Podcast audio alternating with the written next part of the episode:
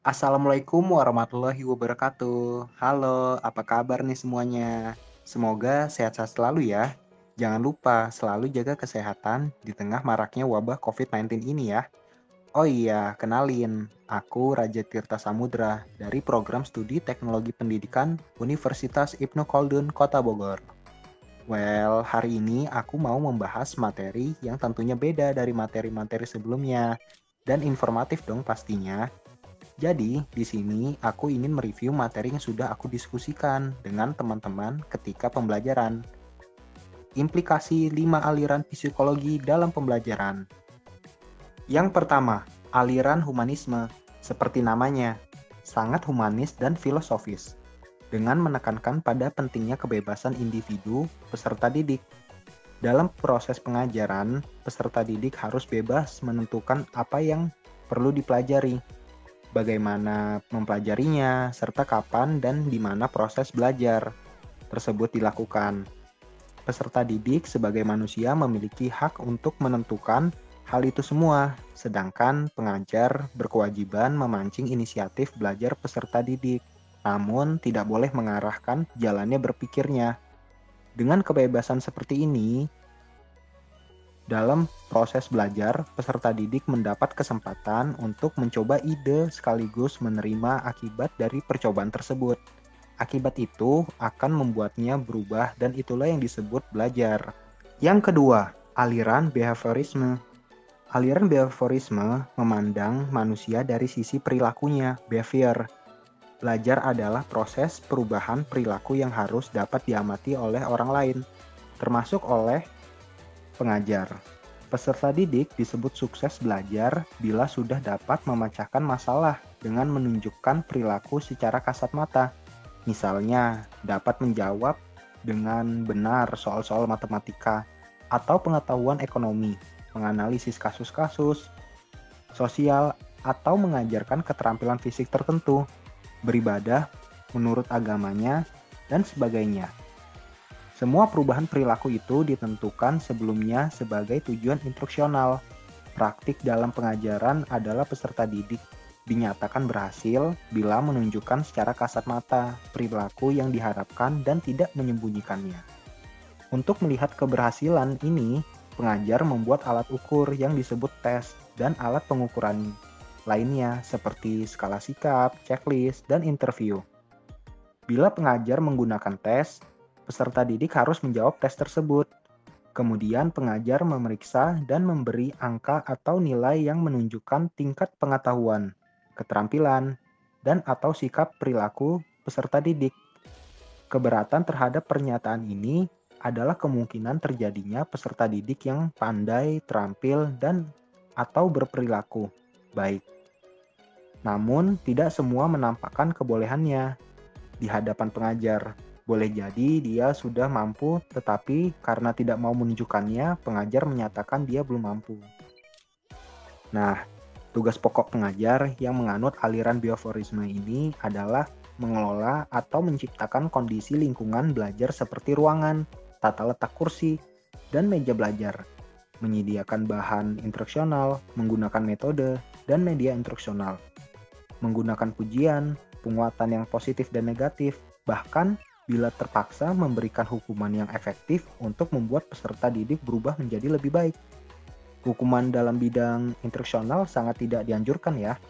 Oleh karena itu, bila terpaksa dilakukan, perlu dimulai dari hukuman yang sangat ringan, misalnya menanyakan mengapa belum menyelesaikan tugas, dan memberinya batas waktu tambahan sebelum memberikan nilai hasil belajar yang rendah. Yang ketiga, aliran kognitivisme.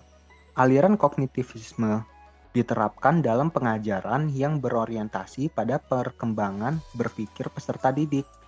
Proses pengajaran yang di dalamnya melibatkan lingkungan peserta didik seperti metode bahan ajar, media, dan sarana diatur oleh pengajar agar sesuai dengan karakteristik peserta didik, khususnya tingkat perkembangan berpikirnya.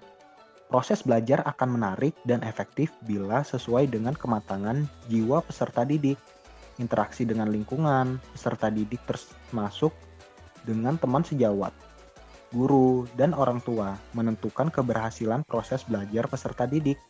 Demikian juga interaksi dengan alam sekitar, peristiwa hidup di dalam masyarakat, masalah aktual yang relevan dengan bahan instruksional dan kasus-kasus yang mengundang pemecahan masalah merupakan fokus perhatian yang sangat tepat bagi peserta didik. Pemberian PR misalnya, pengembalian hasil kerja peserta didik, penugasan yang sesuai dengan perhatian dan kecenderungan sikap peserta didik adalah hal-hal yang perlu menjadi perhatian pengajar. Yang keempat, aliran konstruktivisme. Aliran konstruktivisme ini adalah pecahan dari kognitivisme yang memfokuskan pada pengembangan kemampuan peserta didik untuk membangun atau mengkonstruksi sendiri pengetahuan baru melalui proses berpikir mensistensis, pengetahuan dan pengalaman lama dan baru. Kemampuan mengonstruksi pengetahuan ini sangat penting sebagai jalan untuk meningkatkan daya cipta, kreativitas, dan menghasilkan sesuatu yang baru bagi diri peserta didik dan pihak lain. Peran pengajar adalah menyedi menyediakan sumber instruksional baik yang berbentuk narasumber maupun yang berbentuk benda atau teknologi. Pengajar perlu sejauh mungkin memfasilitasi terjadinya pengalaman praktis serta memberikan kebebasan berpikir pada peserta didik. Yang kelima, aliran cybernetisme. Aliran cybernetisme memandang otak manusia aktif memproses informasi seperti halnya teknologi informasi atau komputer. Namun manusia aktif mencari bukan hanya pasif menerima. Peserta didik menangkap rangsangan melalui panca inderanya, baik dalam bentuk objek benda, data maupun peristiwa. Kemudian memberi, memperhatikan atau mengabaikan memilih sebagian atau menerima seluruhnya dan membuat reaksi dengan membuat respons. Selanjutnya, contoh real dari 12 prinsip belajar dalam proses pembelajaran. Yang pertama, respon baru diulang sebagai akibat respon tersebut. Implikasinya, perlunya pemberian umpan balik positif ataupun pujian dengan segera atas keberhasilan atau respon yang benar dari peserta didik. Pada awalnya, umpan balik yang positif tersebut harus sering kali diberikan, tetapi pada tahap berikutnya dapat diberikan lebih jarang secara acak. Lalu, peserta didik harus aktif membuat respons, bukan duduk diam dan mendengarkan saja. Akibat yang menyenangkan atau yang kurang menyenangkan hanya diberikan bila peserta didik aktif membuat respon bagi yang tidak aktif merespon, pengajar perlu mengajak peserta didik berinteraksi tentang hal-hal yang mudah dan paling menarik minat mereka, sehingga peserta didik merespons dengan bebas dan benar, sehingga pantas mendapat pujian. Yang kedua, perilaku berada di bawah pengaruh kondisi lingkungan. Implikasinya, simbol atau tanda berpengaruh besar. Tujuan pembelajaran perlu dinyatakan secara jelas, jadi, perilaku tidak hanya dikontrol oleh akibat dari respon, tetapi juga di bawah pengaruh kondisi atau tanda-tanda yang terdapat dalam lingkungan peserta didik. Kondisi atau tanda-tanda tersebut berbentuk tulisan, gambar, komunikasi verbal, keteladanan guru, atau perilaku sesama peserta didik. Tulisan dilarang merokok, gambar sebatang rokok yang diberi tanda silang merah atau tidak adanya tempat puntung rokok misalnya adalah kondisi yang diciptakan agar orang tidak merokok. Nasihat orang tua untuk mendorong anaknya bersembahyang atau kebiasaan keluarga untuk sembahyang bersama merupakan salah satu kondisi untuk menciptakan perilaku seluruh anggota keluarganya taat kepada ajaran agama. Demikian pula kerjasama yang baik di antara peserta didik dalam suatu kelompok belajar merupakan kondisi untuk menciptakan perilaku rajin belajar bagi setiap anggota kelompok belajar tersebut. Yang ketiga, perilaku yang dihasilkan akan hilang bila tidak diperkuat. Implikasinya, isi pembelajaran harus berguna, penghargaan atas keberhasilan, latihan dan tes yang sering disertai nilai yang adil dan pujian, Hukuman dapat menghentikan perilaku negatif, namun tidak ada garansi menimbulkan perilaku positif. Jadi, perilaku yang ditimbulkan oleh tanda-tanda tertentu akan hilang atau berkurang frekuensinya bila tidak diperkuat dengan pemberian akibat yang menyenangkan. Karena itu, pengetahuan dan keterampilan baru yang telah dikuasai harus sering dimunculkan dan diberi akibat yang menyenangkan agar keterampilan baru itu selalu digunakan. Nah, implikasinya itu adalah pemberian isi pelajaran yang bermanfaat bagi peserta didik, di dalam dunia kehidupan serta pemberian umpan balik berupa imbalan dan penghargaan terhadap keberhasilan peserta didik. Dalam proses pengembangan ini, penentuan mengenai apa yang akan diajarkan didasarkan kepada hasil langkah mengidentifikasi kebutuhan instruksional, sehingga yang dipelajari peserta didik adalah pengetahuan, keterampilan, dan sikap yang memang belum dikuasai dan dibutuhkan dalam kehidupan sehari-hari. Selanjutnya, peserta didik sering diberi latihan dan tes agar pengetahuan, keterampilan, dan sikap yang baru dikuasainya sering dimunculkan. Bila peserta didik dapat melakukan latihan atau mampu mencapai hasil tes dengan baik, maka pengajar harus memberinya umpan balik yang berupa pemberian nilai, pujian, atau konfirmasi bahwa hasil yang dicapainya benar atau baik. Dengan demikian, ia akan selalu berusaha melakukan hal yang sama manakala menghadapi latihan, tes, atau masalah yang sama.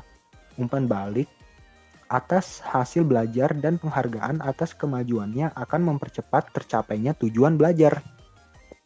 Yang keempat, respon terhadap tanda-tanda terbatas akan ditransfer secara terbatas pula.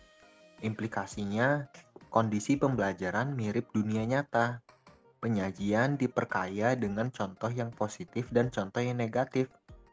Belajar yang berbentuk respon terhadap tanda-tanda yang terbatas akan ditransfer kepada situasi lain yang terbatas pula. Implikasi prinsip ini adalah pemberian kegiatan belajar yang melibatkan tanda-tanda atau kondisi yang mirip dengan kondisi dunia nyata, yaitu lingkungan hidup peserta didik di luar ruangan kelas. Penyajian isi pelajaran perlu diperkaya dengan penggunaan berbagai contoh penerapan mengenai apa yang dipelajarinya dalam kehidupan nyata. Di samping itu, penyajian isi pelajaran tersebut perlu menggunakan berbagai alat simulasi, gambar, diagram, film, kaset audio, model, dramatisasi, serta berbagai metode. Dengan memberikan berbagai variasi penerapan isi pembelajaran dalam kehidupan sehari-hari, peserta didik dapat diharapkan mampu mentransfer pengetahuan, keterampilan, atau sikap yang dicapainya dalam memecahkan masalah hidup yang juga penuh dengan variasi. Prinsip yang kelima, generalisasi dan membedakan adalah dasar untuk belajar yang kompleks. Implikasinya, belajar pemecahan masalah diawali dengan belajar membuat kesimpulan dan membandingkan. Belajar mengeneralisasi dan membedakan antara dasar untuk mempelajari sesuatu yang kompleks seperti pemecahan masalah. Dalam kegiatan ini, contoh secara luas perlu digunakan, uraian materi pelajaran perlu diperjelas dengan contoh yang positif dan negatif untuk menjelaskan perilaku yang baik menurut norma yang berlaku. Pengajar harus pula memberikan penjelasan tentang contoh-contoh perilaku yang bertentangan dengan norma tersebut. Untuk menjelaskan bilangan genap, misalnya, pengajar perlu memberikan contoh bilangan genap dan contoh bilangan ganjil agar peserta didik memahami mana yang disebut benda konkret. Pengajar harus pula menjelaskan mana benda yang tidak termasuk benda konkret atau benda abstrak.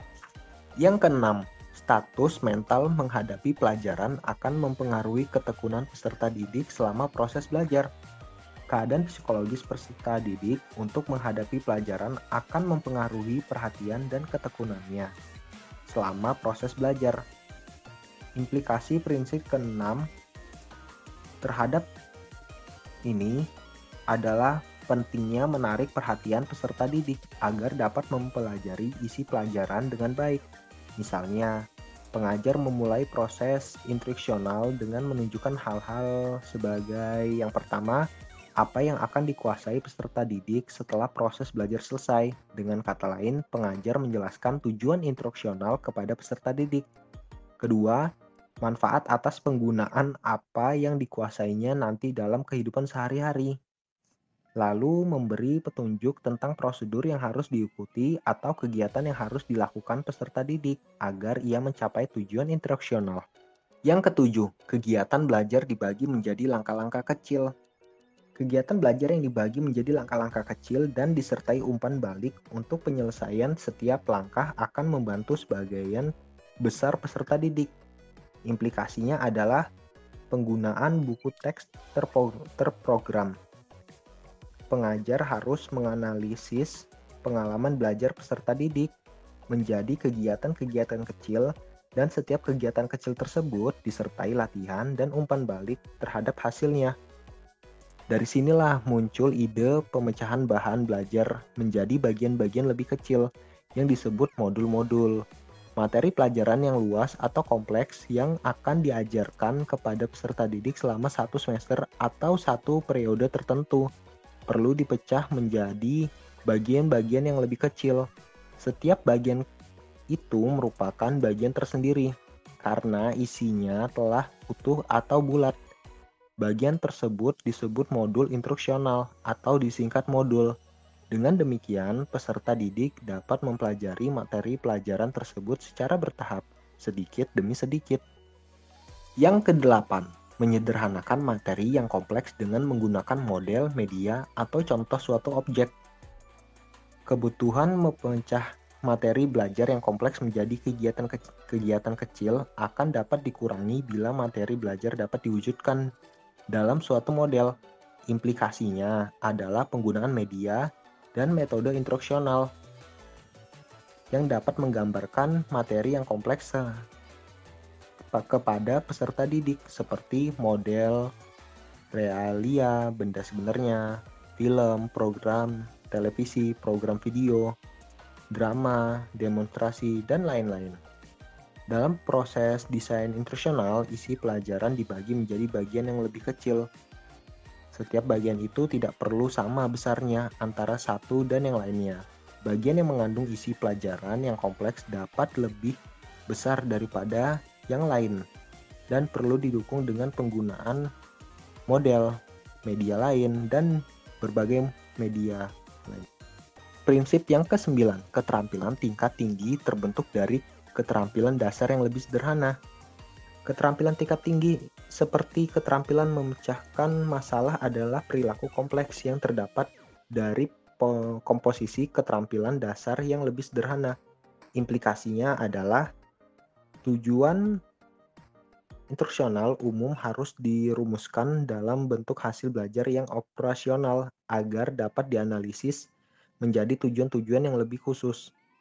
Lalu demonstrasi atau model yang digunakan harus didesain sejalan dengan hasil analisis tersebut di atas agar dapat menggambarkan secara jelas komponen-komponen yang termasuk dalam perilaku yang kompleks itu.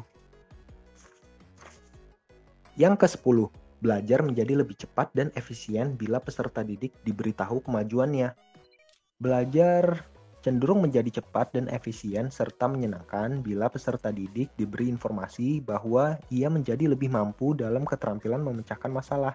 Ia cenderung belajar lebih cepat bila diberi informasi tentang kualitas penilaiannya dan bagaimana cara meningkatkannya lebih baik.